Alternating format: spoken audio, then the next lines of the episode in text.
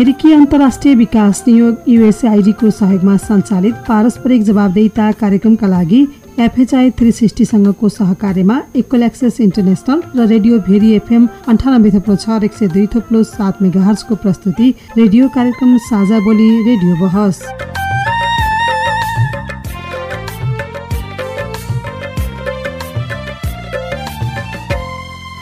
नमस्कार साझा बोली रेडियो बहसमा तपाईँलाई स्वागत छ। म दिपा कोइराला।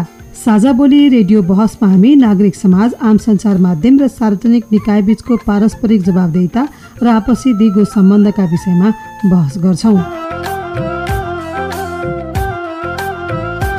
पारस्परिक जवाबदेताका क्षेत्रीय सवाल र परिवेश समेटेर तयार पारिएको साझा बोली रेडियो बहसको यो स्थानीय संस्करण हो। आजको साझा बोली रेडियो बहस रेडियो भेरी एफएम अन्ठानब्बे थप्लो छ एक सय दुई थप्लो सात मेगाहरजले उत्पादन गरेको हो। यो कार्यक्रम दाङको स्वर्गद्वारी दैलेखको ध्रुवतारा र जाजरकोटको हाम्रो पाइला एफएमबाट पनि सुन्न सक्नुहुन्छ।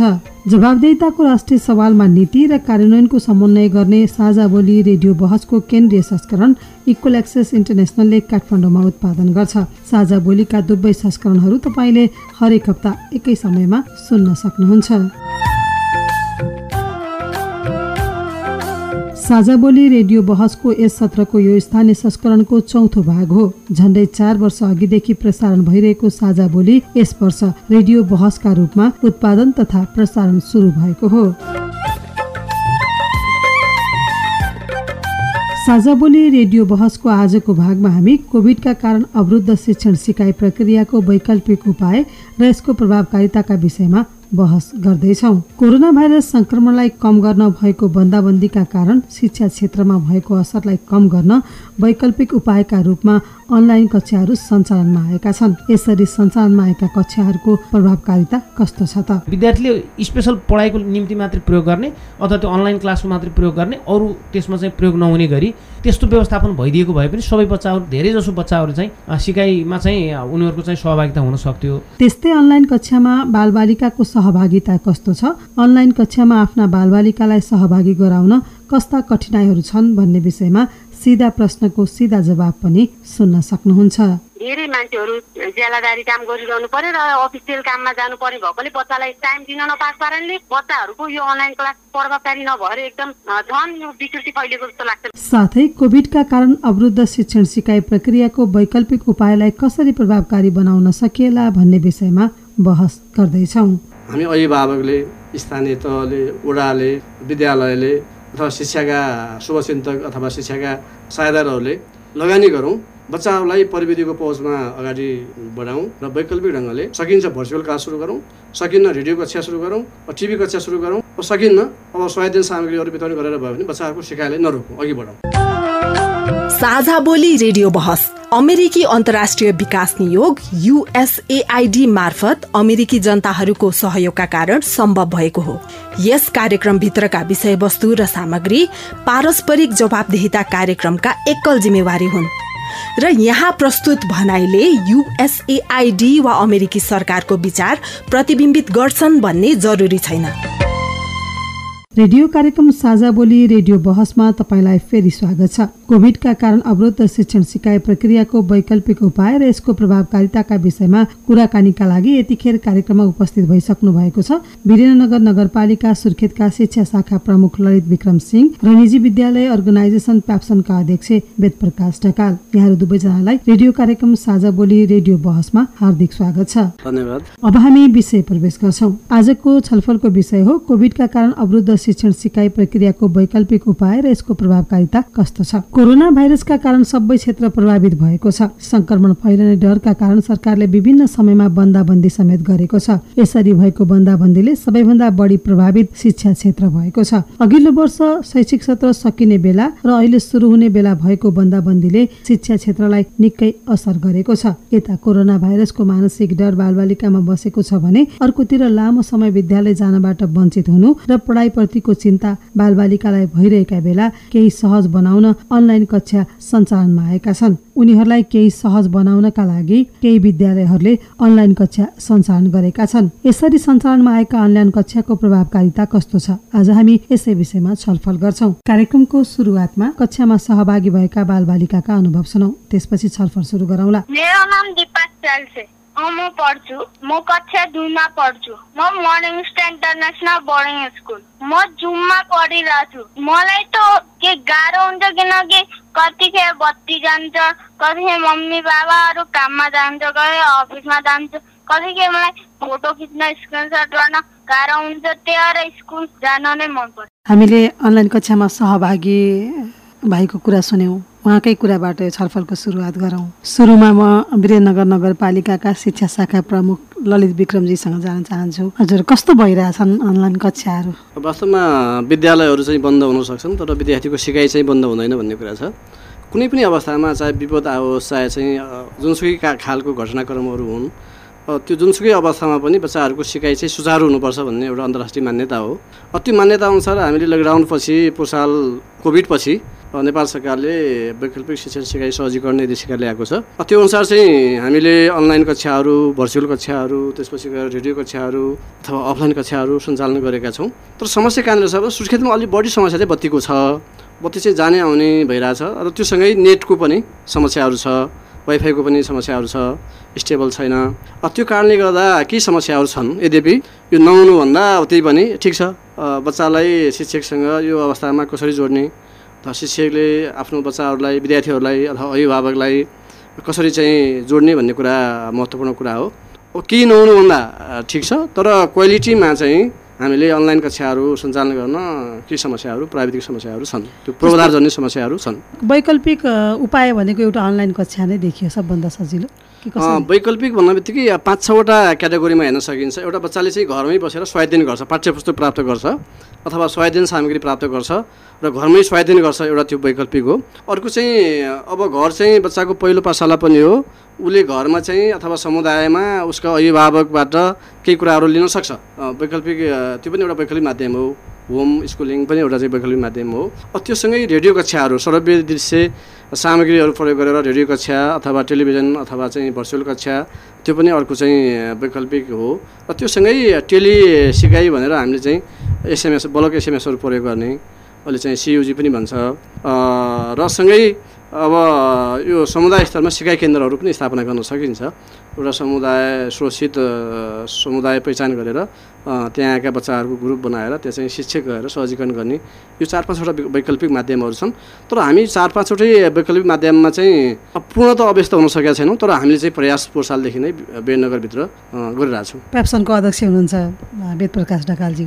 अब अनलाइन कक्षाहरूको सञ्चालन भइरहेछन् अझ विशेष गरी निजी विद्यालयहरूले चाहिँ यसलाई लागू गरेको जस्तो पनि देखिन्छ। सामुदायिक विद्यालयहरूमा पनि छन्। अझ बढी बसेर पढ्ने एकदम तयारीका साथ बस्ने देखिन्छ होइन? कतिको प्रभावकारी भएको मान्नु भएको छ आफ्नो स्तरबाट हेर्दाखेरि आफ्ना विद्यालयहरूमा?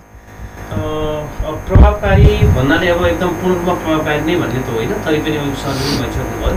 हामीले गत साल जब चाहिँ कोभिडको एउटा सङ्क्रमण बढ्यो त्यसपछि लकडाउन भइसके पश्चात फिजिकल रूपमा चाहिँ विद्यालयहरू सञ्चालन हुन नसक्ने अवस्था भइसकेपछि यसलाई कसरी हुन्छ वैकल्पिक माध्यमबाट बच्चा बच्चीको सिकाइ क्रियाकलापलाई अगाडि बढाउनुपर्छ भनेर तयारी गऱ्यौँ र नगर शिक्षा कार्यालयले पनि अब हामीलाई चाहिँ त्यो किसिमको समन्वय गर्यो। हामी त्यसरी लाग्यौँ। गत वर्षको आँकडा हेर्दा अथवा गत वर्षको हाम्रो आफ्नो तथ्याङ्क अनुसार चाहिँ लगभग पन्ध्र बिस पच्चिस पर्सेन्ट जति अनलाइनको सिकाइमा चाहिँ जोडिन सफल भए विद्यार्थीहरू भने अहिले पनि त्यो अभ्यास हामीले सुरु गरेका छौँ। र पूर्ण रूपमा अब सबैलाई चाहिँ असहजताको कुरा त छँदैछ। अब यो कर्णालीमा धेरै बच्चाहरूको चाहिँ बत्तीको एक्सिसको कुरा भयो नेटको कुरा भयो त्यसपछि आएर कतिपय बच्चाहरूको मोबाइलकै कुरा भयो। धेरै समस्याहरू छन्। त्यसको अलावा चाहिँ अघि सरले भनिसक्नुभयो समुदायमा बच्चाहरूलाई चाहिँ एउटा एकरूपता चाहिँ गरेर अब केही बच्चाहरूलाई जम्मा गरेर सिकाउने प्रक्रिया पनि हुनसक्छ नसकिने होइन होइन? अ, त्यो लगायत पाठ्यपुस्तकहरू उपलब्ध गराउने बच्चालाई घरमा चाहिँ अभिभावकहरूले चाहिँ अभिभावकत्वको भूमिका निर्वाह गर्ने उनीहरूलाई चाहिँ कसरी हुन्छ अन्य कुराहरू पनि सिकाउन सकिन्छ। त्यो हो हामीले पनि त्यही अनुरूप चाहिँ अहिले अलि अलिकति अनलाइन क्लासलाई चाहिँ थोरै जोड्न चाहिँ प्रयास गरिरहेका छौँ। हेरौँ कस्तो हुन्छ त यसको नतिजा? सामुदायिक विद्यालय र निजी विद्यालयलाई तुलना गर्दाखेरि कक्षा सञ्चालन व्यवस्थापन र सहभागिताको कुरालाई कसरी हेर्न सकिन्छ? अ, यसमा चाहिँ यो वैकल्पिक माध्यमको प्रयोग गर्ने कुरामा संस्थागत विद्यालयहरू अघि हुनुपर्छ भन्ने एउटा मान्यता हो। किनकि अब व्यवस्थापनको हिसाबले लगानीको हिसाबले अथवा प्रविधिको हिसाबले चाहिँ अब्बल जनशक्ति अथवा चाहिँ लगानीको पर्याप्तताको सुनिश्चितता सामुदायिक विद्यालयभन्दा संस्थागत विद्यालय छिटो गर्न सक्छ। किनकि त्यो वैयक्तिक निर्णय अथवा त्यो खालको चाहिँ अलिक छिटो निर्णयको प्रोसेस हुन्छ। तर हामी कहाँ बेनगरमा चाहिँ अपेक्षित ढङ्गले त्यो दिशामा चाहिँ हामी अघि बढ्न सकेका छैनौँ। र हाम्रो मान्यता नेपालभरि नै होला। हाम्रो मान्यता के छ भन्दाखेरि अब एक दिन चाहिँ विद्यालय खुल्नेछन्। विद्यालय खुलेपछि विद्यार्थीहरू बोलाइनेछ र कक्षामै पढाइनेछ भन्ने चाहिँ जुन हाम्रो एउटा माइन्डसेट छ त्योबाट हामी अघि बढ्न सकेनौँ। हामी दशकौँ यस्तै समस्याबाट चाहिँ विक्षिप्त हुन्छौँ कि अथवा चाहिँ बच्चाहरूको सिकाइलाई हामीले कुनै दिन पनि कुनै पल पनि कुनै पहर पनि रोक्नु हुँदैन भन्ने त्यो खालको अलिकति बुझाइ चाहिँ हामीसँग कमी भयो कि अभिभावकदेखि लिएर हामी शिक्षकदेखि लिएर हामी शिक्षाकर्मी समयमा त्यो खालको बुझाइ हुन सकेन कि अलिकति परिस्थितिजन्य बुझाइ हुन सकेन कि भन्ने हिसाबले चाहिँ के समस्याहरू देखिन्छन्। अब बेडनगरको हकमा चाहिँ हामी सामुदायिक विद्यालय र संस्थागत विद्यालयहरूलाई सँगसँगै लिने प्रयास गर्दैछौँ। हामीले त्यो ढङ्गले सहजीकरण गरेका छौँ। अब हामीले चाहिँ लकडाउनपछि अब सबै विद्यालयलाई अब वैकल्पिक माध्यमहरू प्रयोग गरेर अगाडि बढाउनुहोस् विद्यार्थी भर्ना अघि गर्नुहोस् अब रेडियो कक्षाहरू चलाउनुहोस् भर्चुअल कक्षाहरू गर्नुहोस् तपाईँको बच्चा बच्चाको पहुँच चाहिँ पहिचान गर्नुहोस् को बच्चाहरू चाहिँ रेडियोमा आउनसक्छ? कुन बच्चाहरू चाहिँ के अरे भर्चुअल क्लासमा आउनसक्छ? कुन बच्चाहरूसँग चाहिँ टिभी र अफलाइन क्लासहरू छ? र को बच्चासँग चाहिँ यी कुनै पनि अवसर छैनन्। ती बच्चाहरूको लागि के गर्न सकिन्छ? यसरी चाहिँ बच्चाहरू पहिचान गरेर बच्चाहरूको प्रविधि जन्य पहुँच पहिचान गरेर कार्यक्रम विकास गरेर अघि बढ्नुहोस्। यदि अघि बढ्न सक्नु भएन भने तपाईँहरू चाहिँ अब टिक्न सक्नुहुन्न। टिक्न सक्नुहुन्न तपाईँहरू लगानी डुब्छ भनेर हामीले संस्थागत विद्यालयलाई पनि जगाएकै छौँ। र सामुदायिक विद्यालयलाई पनि त्यो ढङ्गले चाहिँ अगाडि चाहिँ हामी धकेलेकै छौँ त्यसैले अब एक किसिमको चाहिँ अन्य तरभन्दा अन्य नेपालभरिका सात सय त्रिपन्न स्थानीय तहभन्दा बेडनगर अपेक्षित ढङ्गले माथि नै छ यो विषयमा भन्ने लाग्छ जस्तो अघिल्लो वर्ष पनि लकडाउन भयो र अनलाइन कक्षाको अलिकति भए पनि सुरुवात अघिल्लो वर्षदेखि नै भयो होइन। तर अब अर्को वर्षमा आइपुग्दा हामीले सोच्दै नसोचेर फेरि पनि लकडाउन गर्नुपर्ने बन्दाबन्दी गर्नुपर्ने र अझ यो अवस्थामा त अझ लामो समय विद्यालयहरू बन्द हुने अवस्था आयो होइन। अझै पनि हामी अन्यलतामै छौँ के गर्ने भनेर। भनेपछि अघिल्लो वर्ष त्यो भइसकेपछिको बिचको समयमा पनि केही तयारीहरू गर्नु पर्थ्यो। त सिकाइ हो नि। होइन अब यस्ता समस्याहरू फेरि पनि आउन सक्लान् भनेर। बिचको समयमा हामी शून्य भएर बस्यौँ। यो चाहिँ नेपाली व्यवस्थापनको समस्या हो। यो नेपालको शैक्षिक व्यवस्थापन पनि यो खालको समस्या छ। हामीलाई त मलाई त एउटा शिक्षाकर्मीको हिसाबले मलाई त के लाग्थ्यो मैले सरलाई पनि बेसरी हुनुहुन्छ मैले भनेको थिएँ यो समस्या चाहिँ दशकौँ वर्ष बल्झिन सक्छ। अब एउटा एउटा चाहिँ हामीले अनौठो अनपेक्षित समस्या आइपुग्यो। यो चाहिँ यो समस्याको प्रकृति हेर्दाखेरि दशकौँ वर्ष बल्झिन सक्छ।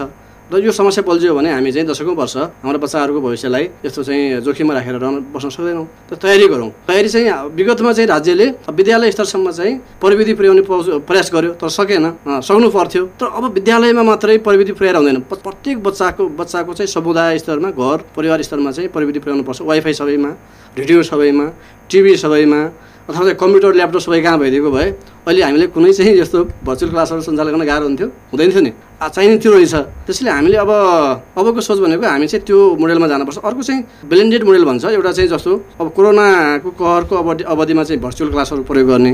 र जब चाहिँ कोरोना सकिएर हामी चाहिँ फिजिकल क्लास गर्न सक्छौँ त्यो अवस्थामा चाहिँ अब फेस टु फेस क्लासहरू गर्ने। यसरी चाहिँ मिश्रित मोडलमा हामी जानैपर्छ अमेरिकाले धेरै वर्ष अगाडि त्यहाँ कोभिड आएको थियो नि त्यति बेला। अमेरिकाले धेरै वर्ष अगाडि चाहिँ अनलाइन क्लास र अफलाइन क्लास सुरु गरे हो। अब बच्चा स्कुलमा भर्ना हुन आयो भने तपाईँको बच्चा चाहिँ अनलाइनमा पढ्ने हो कि तपाईँको बच्चा चाहिँ फेस टु फेस पढ्ने पढ्ने हो भनेर त्यहाँ स्कुलले पहिल्यै चोइस गराउँछ। त्यति बेला कोरोना थिएन त्यहाँ। तर हामी जानी नजानी यो त्यो ढङ्गले चाहिँ अब त्यो कोरोना सकि कोरोना नभए पनि त्यो अवस्थामा जानैपर्छ कि। किनकि अब पेपरलेस लर्निङका कुराहरू आइरहेछन्। यी लर्निङका कुराहरू आइरहेछन् यी ब्याङ्किङका कुराहरू आइरहेछन् भने अब त्यो विकल्पमा नगई धरै छैन। तर हाम्रो मानसिकता के छ भन्दाखेरि त्यो परिवर्तनलाई एडप्ट गर्न हामी तयार छैनौँ। हाम्रो दिमागले मान्न छैन। हामी तयार हामी चाहिँ फिजिकल्ली पनि तयार हुँदैनौँ। त्यो समस्याहरू छ। तयार नहुनुका फेरि धेरै कुराहरू छन् नि कारणहरू छन् होइन। जस्तो अब अभिभावकहरूको आय स्तरको कुरा उहाँहरूको कामको कुरा कतिपय त कामै गरेर खाने अभिभावकहरू पनि हुनुहुन्छ। अनि कतिपयलाई अब यो प्रविधिसँग प्रविधि मैत्री हुन नसक्ने कुरा सुविधाको कुरा त्यसको लागि त फेरि त्यो कुरा व्यवस्थापन गर्दै लैजाने जिम्मेवारी फेरि हाम्रो स्थानीय तहको पनि होला। शाखाले त्यो खालको भूमिका पनि खेलिदिनु पर्ने होला। थप लगाव चाहिन्छ लगानी लगाव चाहिन्छ। लगानी चाहिन्छ मान्छेले थप मिहिनेत गर्नुपर्छ थप सङ्घर्ष गर्नुपर्छ। अब यो जोखिमबाट मान्छे चाहिँ मुक्त हुन चाहन्छ। तर हामीसँग इच्छा शक्ति छ भने होइन हामीसँग जहाँ इच्छा त्यहाँ उपाय भन्ने छ नि त्यो भयो भने हामी अघि बढ्न सक्छौँ। इच्छा शक्ति तयारी योजना बजेट सबै कुरा सबै चाहियो हुन्छ। यदि इच्छा शक्ति छ भने इच्छा भएको ठाउँमा योजना पनि आउँछ त्यसपछि बजेट पनि आउँछ। यो सबै कुराहरू त्यो खालको त्यो खालको तयारी हाम्रो स्थानीय तहले गरेछ त्यसो भए। हामी विराटनगरको हकमा हामीले गरेका छौँ। अब विराटनगरको हकमा चाहिँ हामीलाई पर्याप्त लगानीको अभाव छ तर हामीसँग योजना छ।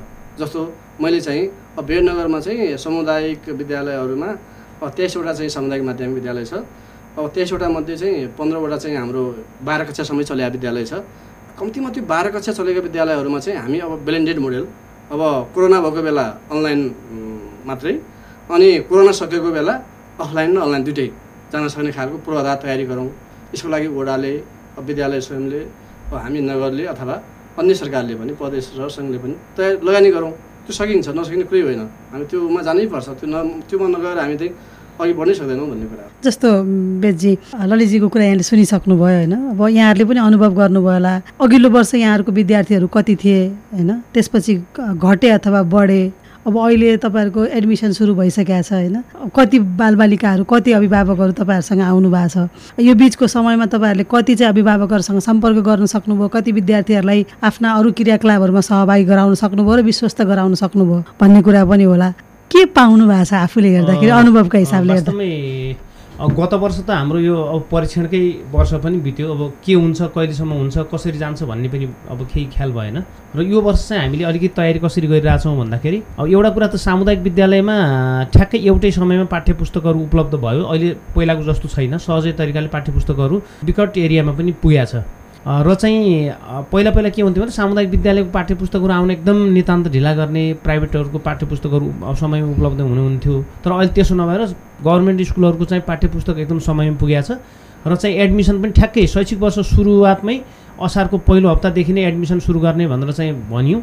सामुदायिक संस्थागत सबै विद्यालयहरू लाग्यौँ। तर पनि के भने जति तुलनात्मक हिसाबले सामुदायिक विद्यालयको विद्यार्थीहरू चाहिँ भर्नाको अभियानमा र त्यसपछि चाहिँ पाठ्य पुस्तक लिनलाई ग्रहण गर्नलाई चाहिँ जति सफल हुनुभयो त्यति हाम्रो प्राइभेटमा अझै भइसकेको छैन। अब हामी सबै स्कुलहरूमा हेऱ्यौँ अब सबैतिर हेर्दाखेरि साथीभाइहरूसँग बुझ्दाखेरि पनि के छ भन्दाखेरि अब जब उही अघि सरले भने जस्तै फिजिकल क्लास भएपछि मात्रै अलिकति चाहिँ त्यो टाइपको देखिया छ। अब होला कतिपयको आर्थिक समस्याको कुरा होला अरू कुरा पनि समस्याको कुराहरू होला।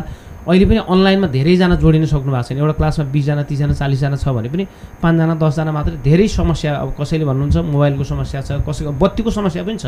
मुख्य कुरा त के भने अब कम्तीमा बाहिर त जेसुकै होस् नगर क्षेत्रभित्र बत्तीको व्यवस्थापन गरिन पर्थ्यो। यसलाई चाहिँ नगरपालिकाले अथवा यहाँको चाहिँ प्रदेश सरकारले कसरी हुन्छ यो बेलामा चाहिँ विद- विद्यार्थीहरूको सिकाइलाई सहजीकरण गर्नका निम्ति यस्ता कुराहरू। अब सकिन्थ्यो भने त फ्री वाइफाईको कुरा भयो होइन?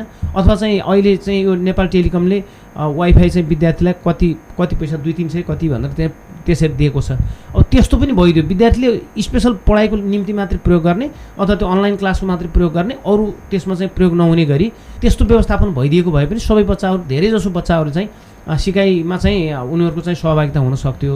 त्यो कारणले गर्दाखेरि यसो समग्रमा हेर्दाखेरि अहिले हाम्रो चाहिँ एडमिसनको दर चाहिँ अलिक कम छ। विद्यार्थी एकदम त्यो के अरे हराएकै अन्त बाहिर गइसकेकै चाहिँ होइन। किनभने हामीले सम्पर्क गरेका छौँ उहाँहरूसँग चाहिँ कोर्डिनेसन गरिरहेका छौँ। त्यो गर्दाखेरि के हो भन्दाखेरि धेरै जसोको चाहना के छ भने फिजिकल रूपमा चाहिँ खुल्ला नि त अहिले असारको महिना त लगभग अलिअलि खुलिरहेको अवस्था छ। यो यो अहिले असारको खुलाइले के भइरहेछ भन्दाखेरि पक्कै पनि साउनदेखि खुल्छ भन्ने छ। तर अब साउनदेखि पनि यस्तै नहुन सक्ने भन्ने कुरा त भएन। दुई महिना चार महिना पाँच महिना पोहोर साल चाहिँ हाम्रो एकदम कठिनताका साथ पनि हामीले चाहिँ पोहोर साल मन्सिरदेखि पुसदेखि मात्रै बच बल बल्ल चाहिँ फिजिकल्ली रूपमा बच्चाहरूलाई जोड्न सफल भयौँ। त्यो कारणले गर्दाखेरि अब अहिले पनि त्यसो नहोला भन्न सकिन्न। अहिले त मात्रै अब अहिले त असार चलिरहेको छ। त्यो कारणले गर्दाखेरि त्यो तयारीमा चाहिँ अब साउनदेखि फेरि एउटा अभियान सुरु गर्नुपर्छ। बच्चाहरूलाई चाहिँ भर्ना अभियानदेखि लिएर अनलाइनमा फेरि कसरी जोड्न सकिन्छ अथवा वैकल्पिक सिकाइलाई अझ कसरी प्रभावकारी बनाउन सकिन्छ भनेर हामी त्यहाँ लाग्नुपर्छ जस्तो लागिरहेको छ। जस्तो बेजीले आफै जोडिहाल्नु वाइफाईको कुरा बत्तीको कुरा होइन र सिपको कुरा। अभिभावकलाई दिने कुरा र बालबालिकालाई दिने कुरा। बालबालिका अभिभावकलाई दिने कुरा पनि होला। यी तिनवटा कुरामा व्यवस्थापन पक्कै पनि गर्नुपर्छ। अब यहाँहरूले पनि भन्नुभयो र हाम्रो माहौल हेर्दा पनि यो तयारी हामीले वैकल्पिक उपायको तयारी गर्न सकेनौँ भने शिक्षा क्षेत्र साँच्चीकै अब अगाडि बढ्न सक्ला जस्तो देखिँदैन होइन? यो समस्याले हेर्दाखेरि अझै तेस्रो भेरिएन्टको कुरा निस्किया छ। वैकल्पिक उपायहरूलाई राम्रो बनाउन क्षमता विकास गर्ने कुराहरूमा हाम्रो स्थानीय तहको भूमिका के हुन्छ? फेरि यसमा पनि दुईवटा पाटो होला संस्थागत विद्यालयलाई र सामुदायिक विद्यालयको पाटोमा होला होइन? कसरी गर्ने होला? यसमा अब लगानीकै कुरा हुन्छ। अब पहिलो कुरा मैले फोहोर सालै भनेको थिएँ हामी सबै लागौँ र हाम्रो सोह्रवटा वडालाई फेरि वाइफाई वाइफाई फ्री जोन बनाऊँ त्यो भयो भने समुदायलाई पनि काम गर्छ संसारलाई पनि काम गर्छ। अब दोस्रो कुरा मैले के भनेको थिएँ भन्दाखेरि अब गरिबीको रेखामुनि रहेका अभिभावक को हुन् त तिनीहरूका बच्चा बच्चीलाई हामीले ल्यापटप दिने हो कि अथवा ट्याब दिने हो कि अथवा चाहिँ एन्ड्रोइड मोबाइल दिने हो कि अथवा रेडियो दिने हो कि त्यो दिउँ। त्यस त्यसपछि चाहिँ हामीले सबै विद्यालयहरूमा अथवा सबै शिक्षक शिक्षकहरूका त्यो समस्या नहोला। सबै विद्यालयसम्म चाहिँ वाइफाई अथवा त्यो चाहिँ नेटवर्किङ गरौँ।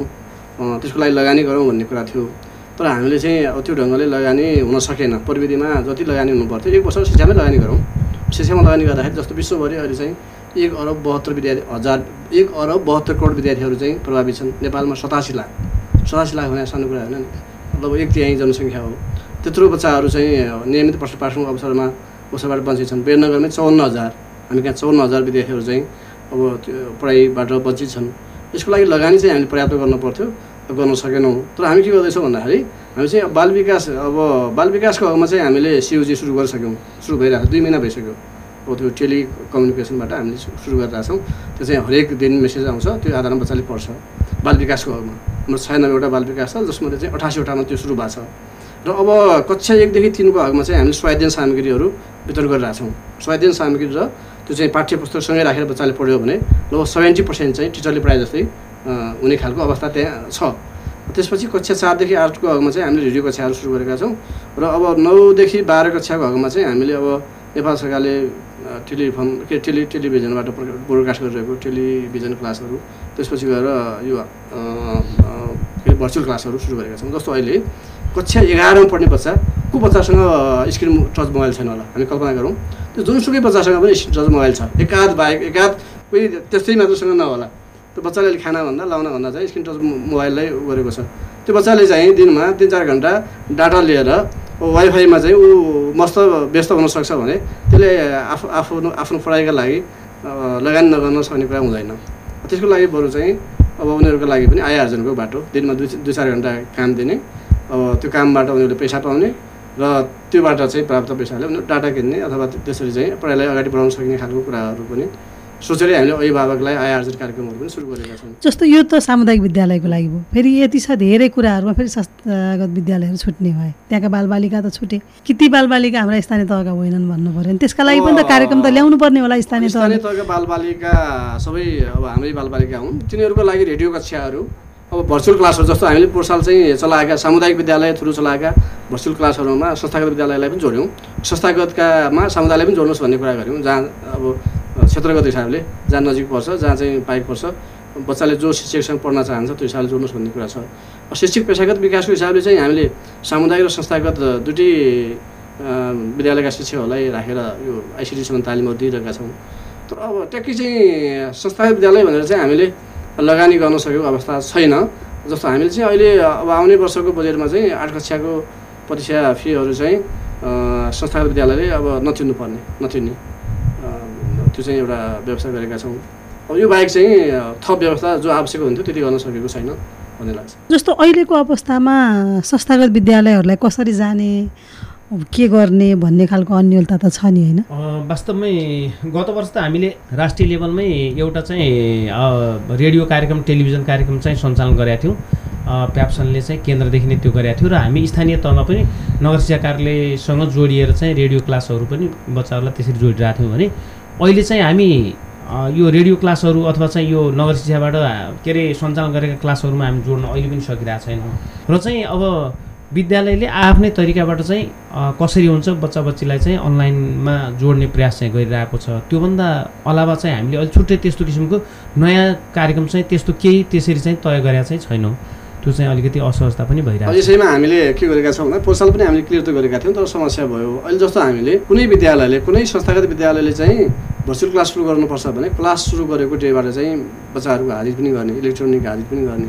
त्यो आधारमा चाहिँ अब तोकिएकै दरमा यो चाहिँ भर्चुअल क्लासको मितिबाट अ, फी चाहिँ लिन पाउने भन्ने खालको हाम्रो चाहिँ निर्देशन छ। त्यो भयो भने अब बच्चाहरूलाई प्रविधिसँग पनि जोड्ने बच्चाहरूको पढाइ पनि सुचारू हुने र संस्थागत विद्यालयले सञ्चालन गर्न पनि कठिनाइ नहुने अवस्थाहरू हुन्छ। अहिलेको अवस्थामा विकल्पका रूपमा भनेको एउटा अनलाइन क्लासै हो होइन भविचर क्लासै हो त्योभन्दा अरू अहिले विकल्प छैन। त्यसलाई व्यवस्थापन गर्न हामी सबै लाग्नुपर्छ भन्ने समग्र हाम्रो निष्कर्ष। खासमा त्यही हो। खासमा चाहिँ यो अवस्थामा चाहिँ हामीले अब जबरजस्ती ढङ्गले चाहिँ अब विद्यालयहरू खोलेरै अब फिजिकल्ली अब कक्षाहरू सञ्चालन गर्ने कुरा कल्पना गर्न सकिँदैन।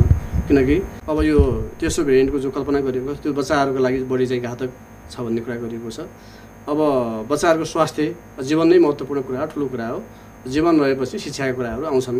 त्यसैले अब विकल्प भनेकै अब यो अनलाइन कक्षालाई कसरी चाहिँ बलियो बनाएर जाने कसरी चाहिँ पहुँचयोग्य तथा गुणस्तरीय बनाएर जाने भन्ने कुरा हो। यसको लागि के गर्न सकिन्छ भन्दाखेरि मैले चाहिँ सरलाई पोस्टरलाई सहजीकरण गरेका थिएँ। तपाईँहरू चाहिँ विद्यालय विद्यालय चाहिँ ऊ गर्नुहोस् एउटा ग्रुपिङ गर्नुहोस् होइन? तिन चारवटा पाँच छवटा विद्यालयको चाहिँ ग्रुप बनाउनुहोस् र त्यो ग्रुपले चाहिँ बच्चाहरूलाई त्यहाँ जोडेर क्लासहरू सुरु गर्नुहोस्। बच्चाहरू जोड्न सकिन्छ कक्षा कक्षा पनि सुरु गर्न सकिन्छ। त हामीले अलिकति इनिसिएसन नगरेर पनि हो। अब हामी चाहिँ बाटो के अरे बिदो होला र बाहिर जाउँला खेतबारीमा काम गरौँला भन्ने खालको जो हाम्रो चाहिँ परम्परा छ त्यो चाहिँ यो कोभिडको हकमा चाहिँ लागु हुन सक्ने देखिँदैन। अर्को चाहिँ हाम्रो विकल्प दीर्घकालीन विकल्प के छ भन्दाखेरि अब संस्थागत विद्यालयहरू धेरै भए। मर्जिङ गर्नुहोस्। चाहिँ ठुला विद्यालय अलि लगानी धेरै गरेर प्रविधियुक्त पूर्वाधार सम्पन्न बनाउनुहोस्। अर्को चाहिँ अर्को विकल्प के हो भन्दाखेरि आवासीय विद्यालय सञ्चालन गर्ने। जस्तो अहिले एउटा विद्यालयसँग सयजना बच्चा हुन्थ्यो सयजना बच्चाको चाहिँ पिसिआर टेस्ट गरिन्थ्यो। त्यो बच्चालाई बाहिरको कम्युनिटीसँग चाहिँ टच हुनबाट जोगाइन्थ्यो। शिक्षकलाई त्यहाँबाट जोगाइन्थ्यो भने हामी भित्र- सुरक्षित त्यो सेक्युर फिलिङ गरेर कक्षा चलाउन सक्थ्यौँ। आवासीय विद्यालय एउटा चाहिँ दीर्घकालीन विकल्प हो। विपत्ति बाजा बजाएर आउँदैन। गर्मीमा आगलागी डढेलो वर्षामा बाढी पहिरो भूकम्प कोरोना र अरू पनि। अझ आफू आफ्नो परिवार वा आफन्तको स्वास्थ्यमा अचानक समस्या आयो भने त आपतै पर्छ नि। साँच्ची तपाईँ र तपाईँको परिवारको स्वास्थ्य समस्यामा पर्दा उपचार खर्च बेहोर्ने स्वास्थ्य बिमाको बारेमा तपाईँलाई के के थाहा छ? बिरामी भएर स्वास्थ्य संस्थामा जाँदा कस्तो व्यवहार भइरहेको छ? सित्तैमा औषधि पाइन्छ कि पाइँदैन? अनि निजी स्वास्थ्य संस्थाको व्यवहार तपाईँलाई कस्तो लाग्छ नि? छलफल गरौँ समस्याको हल खोजौँ प्रश्नको जवाफ मागौँ। तपाईँले हामीलाई पैसा नलाग्ने नम्बरमा फोन गरेर आफ्ना कुराहरू भन्न सक्नुहुन्छ। एनसेल प्रयोग गर्नुहुन्छ भने अन्ठानब्बे शून्य पन्ध्र एकहत्तर शून्य उन्तिसमा फोन गर्न सक्नुहुन्छ। एनटिसी प्रयोग गर्नुहुन्छ भने सोह्र साठी शून्य एक शून्य शून्य चार पाँच नौमा फोन गर्न सक्नुहुन्छ। अथवा Boli Sajha at the rate Gmail dot com B O L I S A J H A at the rate Gmail dot कममा इमेल गरेर वा मेरो रिपोर्ट र साझा बोलीको फेसबुक युट्युब ट्विटर टिकटक पोस्टहरूमा सेयर लाइक वा कमेन्ट गरेर पनि आफ्ना कुराहरू भन्नु सक्नुहुन्छ। पारस्परिक जवाफदेहिताका लागि प्रश्न सोधौँ जवाफ खोजौँ। साझा बोली रेडियो बहस। तपाईँ अहिले पारस्परिक जवाबदेहिता प्रवर्धनका लागि साझा बोली रेडियो बहस सुन्दै हुनुहुन्छ। हामी कोभिडका कारण बन्द भएका विद्यालय र शिक्षण सिकाइको वैकल्पिक उपायका बारेमा छलफल गरिरहेका छौँ। र हामीसँग छलफलमा हुनुहुन्छ वीरेन्द्रनगर नगरपालिका सुर्खेतका शाखा प्रमुख ललित विक्रम सिंह र प्याप्सन सुर्खेतका अध्यक्ष वेदप्रकाश ढकाल। यतिन्जेल हामीले शिक्षण सिकाइको वैकल्पिक उपाय के हुन सक्छ? सञ्चालनमा आइरहेका अनलाइन कक्षाहरूको प्रभावकारिता के छ भन्ने बारेमा छलफल गर्यौं। साझा बोली रेडियो बहसमा अझै हामी शिक्षण सिकाइको वैकल्पिक उपायलाई अझ प्रभावकारी बनाउन शिक्षक विद्यार्थी र अभिभावकको भूमिका बारेमा छलफल गर्नेछौँ। कार्यक्रम सुन्दै गर्नुहोला। मिलेर छलफल गरौ समस्याको हल खोजौ प्रश्नको जवाब मागौ। साझा बोली रेडियो बहस। केही समयको विश्रामपछि फेरि प्रसारण हुँदैछ। रेडियो भेरी एफएम अन्ठानब्बे थोप्लो छ र एक सय दुई थोप्लो सात मेगा हर्जमा हरेक हप्ताको आइतबार बिहान आठदेखि नौ बजेसम्म। साथै यो कार्यक्रम दाङको स्वर्गद्वारी दैलेखको ध्रुवतारा र जाजरकोटको हाम्रो पाइलो र जाजरकोटको हाम्रो पाइला एफएमबाट पनि सुन्न सक्नुहुन्छ। रेडियो कार्यक्रम साझा बोली रेडियो बहसमा तपाईँ अहिले कोभिडका कारण अवरुद्ध शिक्षण सिकाइ प्रक्रियाको वैकल्पिक उपाय र यसको प्रभावकारिताका बारेमा सवाल जवाब सुन्दै हुनुहुन्छ। बहसमा अतिथि हुनुहुन्छ वीरेन्द्रनगर नगरपालिका सुर्खेतका शाखा प्रमुख ललित विक्रम सिंह र प्याप्सन सुर्खेतका अध्यक्ष वेद प्रकाश ढकाल। यसअघि हामीले कोभिडका कारण अवरुद्ध शिक्षण सिकाइ प्रक्रियाको वैकल्पिक उपाय र यसको प्रभावकारिताका विषयमा छलफल गर्यौं। अब हामी यसको प्रभावकारिताका लागि शिक्षक विद्यार्थी र अभिभावकको भूमिकाका बारेमा छलफल गर्छौं। अब हामी शिक्षक अनि अभिभावकका कुरा सुन्छौं। अनि छलफललाई अगाडि बढाउला। म श्री जनजागृत प्राविक पदमपुरको प्र ज्ञानु गैरे बोल्दैछु। मेरो विचारमा चाहिँ मैले धेरै कुराहरू बुझ्दा सुन्दा यो त्यति धेरै प्रभावकारी भइरहेको छैन अनलाइन। किन भएको छैन भन्दा सर्वप्रथम त सबै शिक्षकहरू यो अनलाइन कक्षा दिन यो कम्प्युटर शिक्षामा दक्ष हुनु भएको छैन। हुनुहुन्न। अनि फेरि सरकारले पनि पुरै यस्तो लकडाउन भइसकेपछि अब यो कुरालाई मनन गर्दै र समय अनुकूल तालिमहरू दिने कुरालाई अलिकति प्रविधितिर शिक्षकहरूलाई तालिम दिन व्यवस्थित गर्न सकेको छैन सकेन।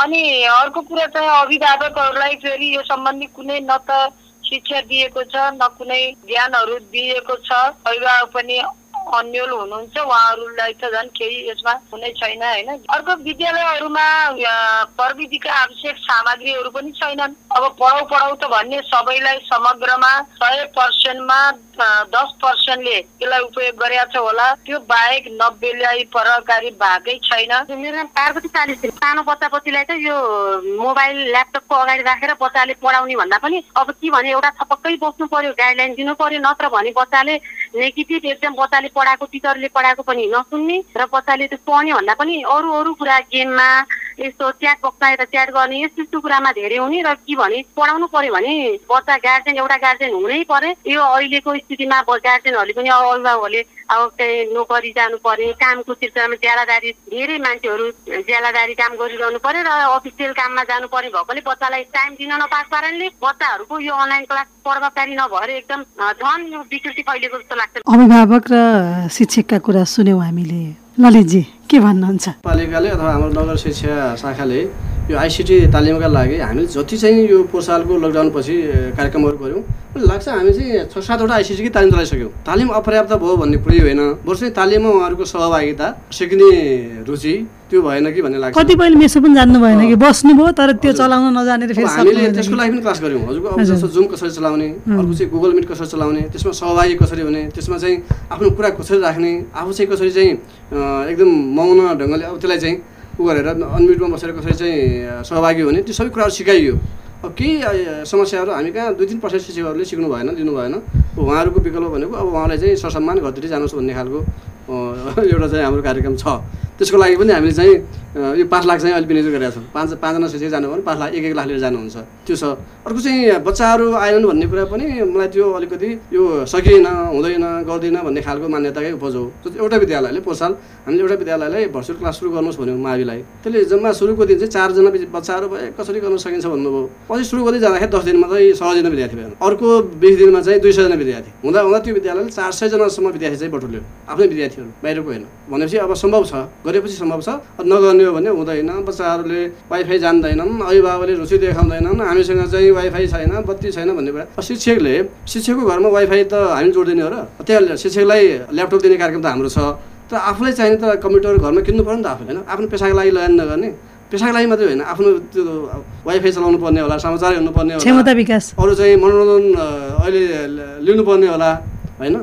अब यो ग्लोबल संसारमा चाहिँ आफ्नो एक्सेस बढाउनु पर्ने होला। त्यसको लागि पनि त आफ्नो लगानी आफैले गर्नु पर्यो नि त। भनेपछि सकिन्छ। सकिन्छ त्यो कुरा चाहिँ गुनासो मात्रै सम्भव छ। यो गुनासो गर्नेहरूको लागि गुनासो मात्रै हुन्छ जिन्दगीभरि।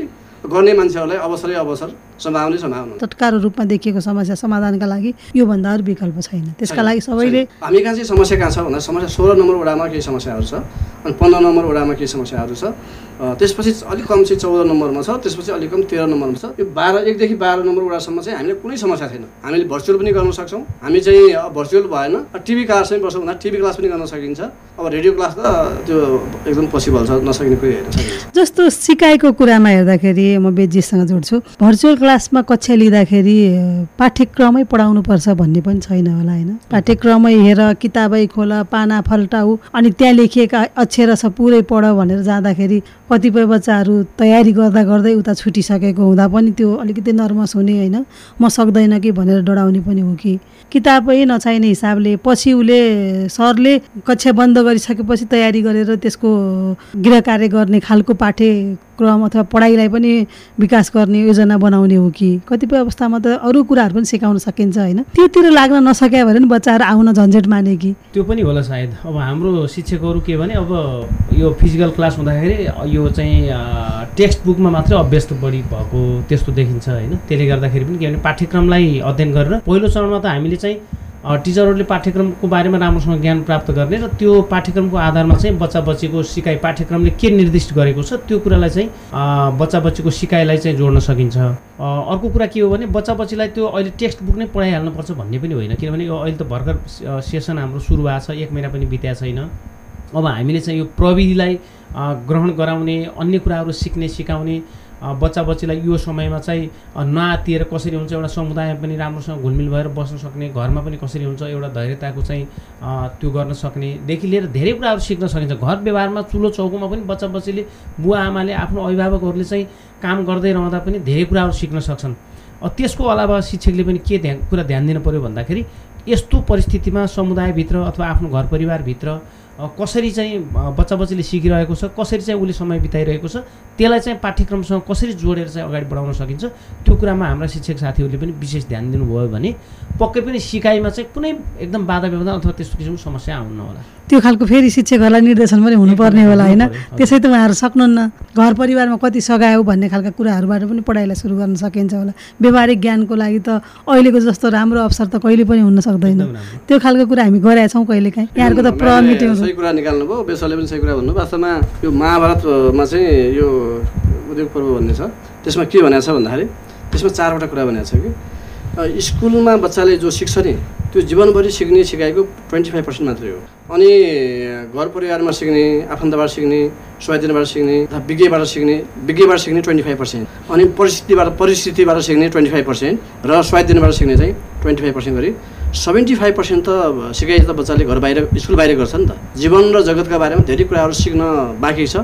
त्यो बच्चाले चाहिँ यति बेला गर्न सक्छ। तर त्यसको लागि सहजीकरण चाहिँ घरमा बाआमाले गर्नु पऱ्यो अथवा शिक्षकले चाहिँ उसको शिक्षकले चाहिँ बेला बेला सम्पर्क गरेर गर्नु पऱ्यो संस्थागतमा पनि र सामुदायिक विद्यालयहरूमा पनि अरू बेलामा पनि यस्ता खालका ज्ञानहरू विद्यार्थीलाई दिएको जस्तो देखिँदैन कि? त्यसले गर्दाखेरि बच्चाहरू कतिपय अवस्थामा पारिवारिक रूपमा परिवारबाट आफन्तहरूबाट टाढिरहेको जस्तो देखिन्छ। व्यावहारिक ज्ञानको चाहिँ अत्यन्तै कमी छ। हजुरले एकदम सही कुरा गर्नुभयो। अब हाम्रो शिक्षा सिकाइ प्रक्रियामा अहिले के समस्या छ भन्दाखेरि यो बच्चालाई चाहिँ सिक्नका लागि मोटिभेट गर्ने सिक्नका लागि बच्चालाई प्यासन जगाउने खालको छैन। बच्चालाई परीक्षामा कसरी हुन्छ बढी नम्बर ल्याउने त्यो सर्टि मार्कसिटमा धेरै नम्बर ल्याउने र अभिभावकलाई देखाएर मख पार्ने खालको शिक्षा भयो। त्यो शिक्षा हुँदाखेरि नै बच्चाले चाहिँ यो सिक्नका लागि बाह्य कुराहरू जीवनका लागि चाहिने कुराहरू सिक्नका लागि मोटिभेटेड भएर सिक्नका लागि होइन आफै चाहिँ सिक्नका लागि अघि सर्ने कुराहरू गर्न छोड्यो। यो हाम्रो सिकाइमा शिक्षणमा यो विधि शिक्षण विधिमा देखिएका समस्याहरूले गर्दा यो समस्याहरू अलिक धेरै स्कुलमा धेरै बच्चाहरूमा छ। व्यावहारिक ज्ञान चाहिँ साँच्चीकै कमी नै छ साँच्चै कमी नै छ। अब यो कक्षाहरूमा सहभागिता बढाउनका लागि अब त यो अहिलेसम्मको प्रविधिले त पक्कै पनि सहभागिता बढेन देखिन्छ पनि होइन। यो लगभग दुईवटा आर्थिक वर्ष हेर्दाखेरि सहभागिता बढाउनका लागि कसरी चाहिँ जाने होला विद्यालयहरूले? अ, पहिलो कुरा त अब शिक्षक साथीहरूलाई नै अब अलिकति सहजीकरण गर्नु पर्यो। शिक्षक साथीहरूलाई चाहिँ सहजीकरण गर्दै विद्यार्थीहरूलाई अभिभावकहरूलाई चाहिँ अभिभावकहरूलाई चाहिँ बुझाउनु अभिभावकको कुरा जोड्नु एकदम अभिभावकहरूलाई त्यसरी बुझाउन सकियो उहाँहरूसँग चाहिँ अब एउटा समन्वय गर्न सकियो भने यो परिस्थिति अनुसार चाहिँ हामी पनि सबै विद्यार्थी अभिभावक विद्यालय अथवा शिक्षक चल्न चाहिँ जरुरी छ। त्यसरी गयौँ भने पक्कै पनि सहभागितामा चाहिँ वृद्धि हुनसक्छ जस्तो लाग्छ। सर के भन्नु? अब अभिभावकको विषयमा मलाई के भन्न मन लाग्छ भन्दाखेरि अब यति बेला चाहिँ हामीले वैकल्पिक शिक्षण सिकाइको विकल्पै छैन। अब मलाई लाग्छ दसैँभन्दा अगाडि हामी चाहिँ बच्चाहरूलाई स्कुलमा बोलाएर पढाउन सक्ने अवस्थामा हामी हुँदैनौँ छैनौँ। अब त्यसपछि के हुन्छ भन्न सकिँदैन भनेपछि अझै विद्यालय छिटै लाग्ने सम्भावना छ। अगाडिको हकमा चाहिँ मैले अब स्थिति नै पुरै उल्टियो भने एउटा कुरा हो। तर सामान्य पोहोर सालको अनुभव र अहिलेको अवस्था हेर्दाखेरि त्यसलाई कम्पेयर गर्दाखेरि दसैँभन्दा अगाडि चाहिँ हामी फिजिकल्ली क्लासहरू चाहिँ चलाउन सक्ने अवस्थामा हामी छैनौँ। त्यसैले मैले अभिभावकलाई के आग्रह गर्छु भन्दाखेरि बच्चाको शिक्षण सिकाइको लागि तपाईँले लगानी गर्नुहोस्। तपाईँहरूको लगानी चाहिँ बच्चाहरूकै लागि त हो अब। अब ब्याङ्कमा चाहिँ पैसा राखेर नबस्नुहोस्। बच्चा यदि ब्याङ्कमा पैसा छ भने बच्चालाई ल्यापटप किन्नुहोस्।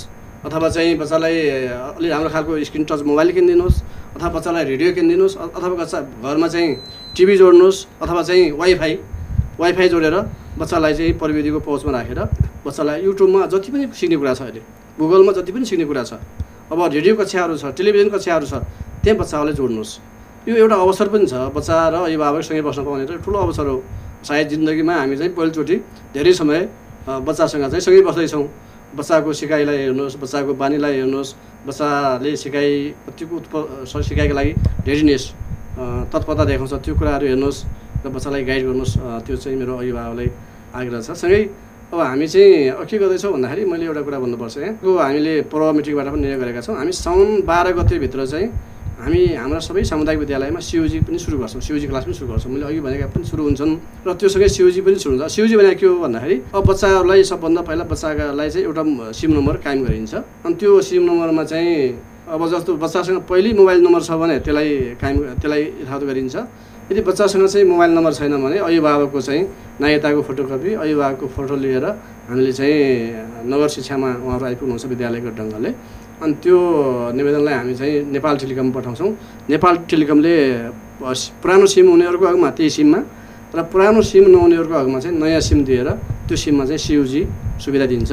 र सियुजी सुविधा भनेको के हो भन्दाखेरि अब एकैचोटि बलक मेसेज गरि- गरिन्छ। माने एउटा स्कुलले एउटा स्कुलले एक कक्षाका कुनै बच्चालाई मेसेज गऱ्यो भने सबै एक कक्षामा जति बच्चाहरू थिए तिनीहरूलाई जान्छ।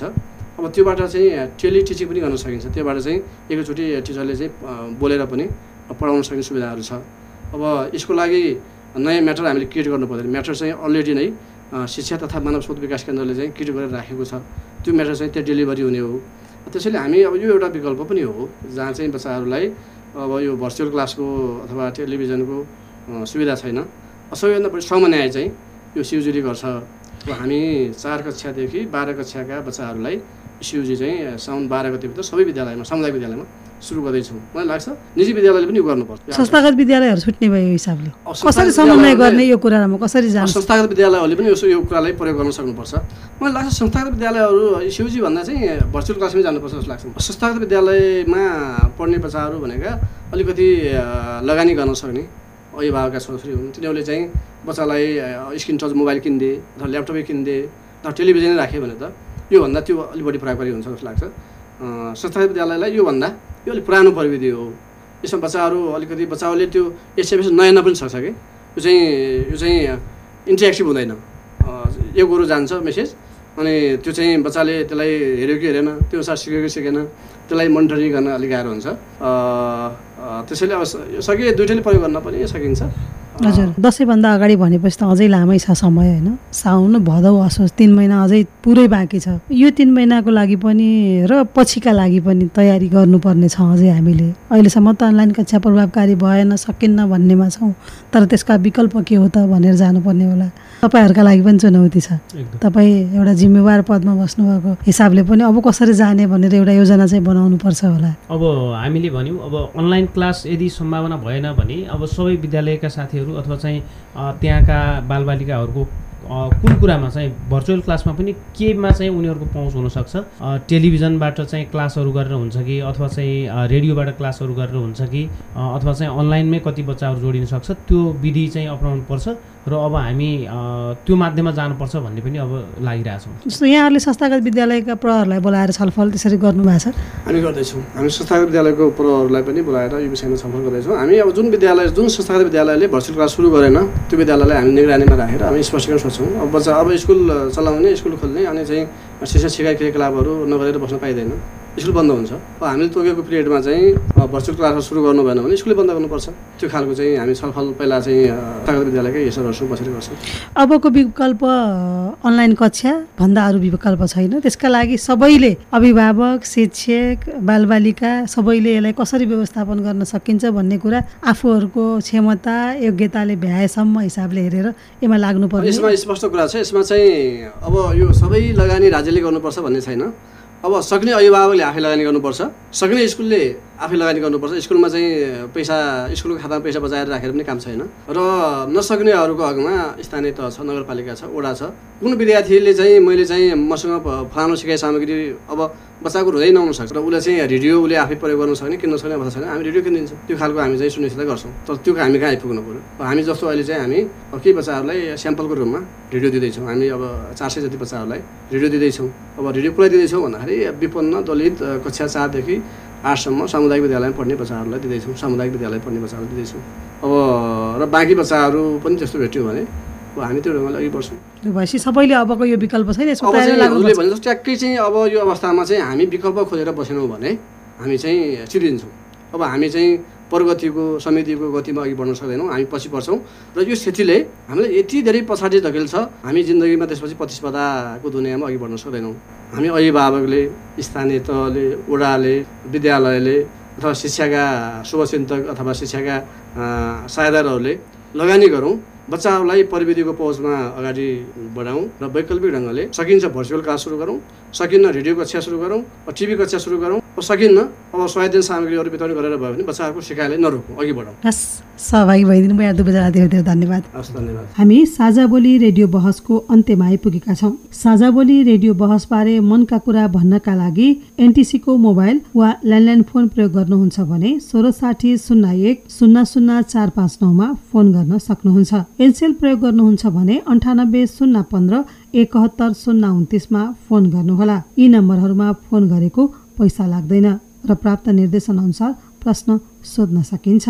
पारस्परिक जवाबदेताका बारे आफूले देखे सुने या भोगेका कुनै कुरा लेख मार्फत व्यक्त गर्न चाहनुहुन्छ वा अरूका लेखहरू पढ्न चाहनुहुन्छ भने एमइआरओ आरइपिओआरटी डट नेटमा पनि लगइन गर्न सक्नुहुन्छ। साझा बोली रेडियो बहस तपाईँले मेरो रिपोर्ट वेबसाइट पोडकास्ट च्यानल र सामाजिक सञ्जालहरूमा पनि सुन्न सक्नुहुन्छ।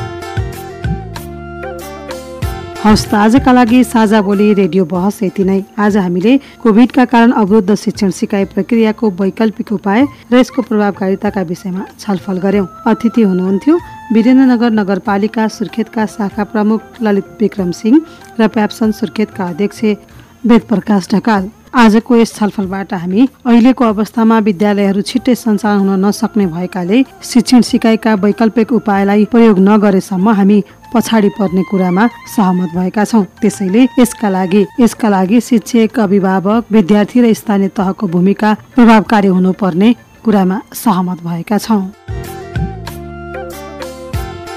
यतिन्जेल ध्यान दिएर कार्यक्रम सुन्नु भएकोमा तपाईँलाई धन्यवाद। आगामी हप्ता पनि आजको जस्तै समयमा सार्वजनिक जवाबदेताको अर्को विषयमा छलफल लिएर आउने नै छौँ। सुन्न नबिर्सनुहोला। आजको कार्यक्रमबाट म दिपा कोइराला बिदा हुन्छु। नमस्ते।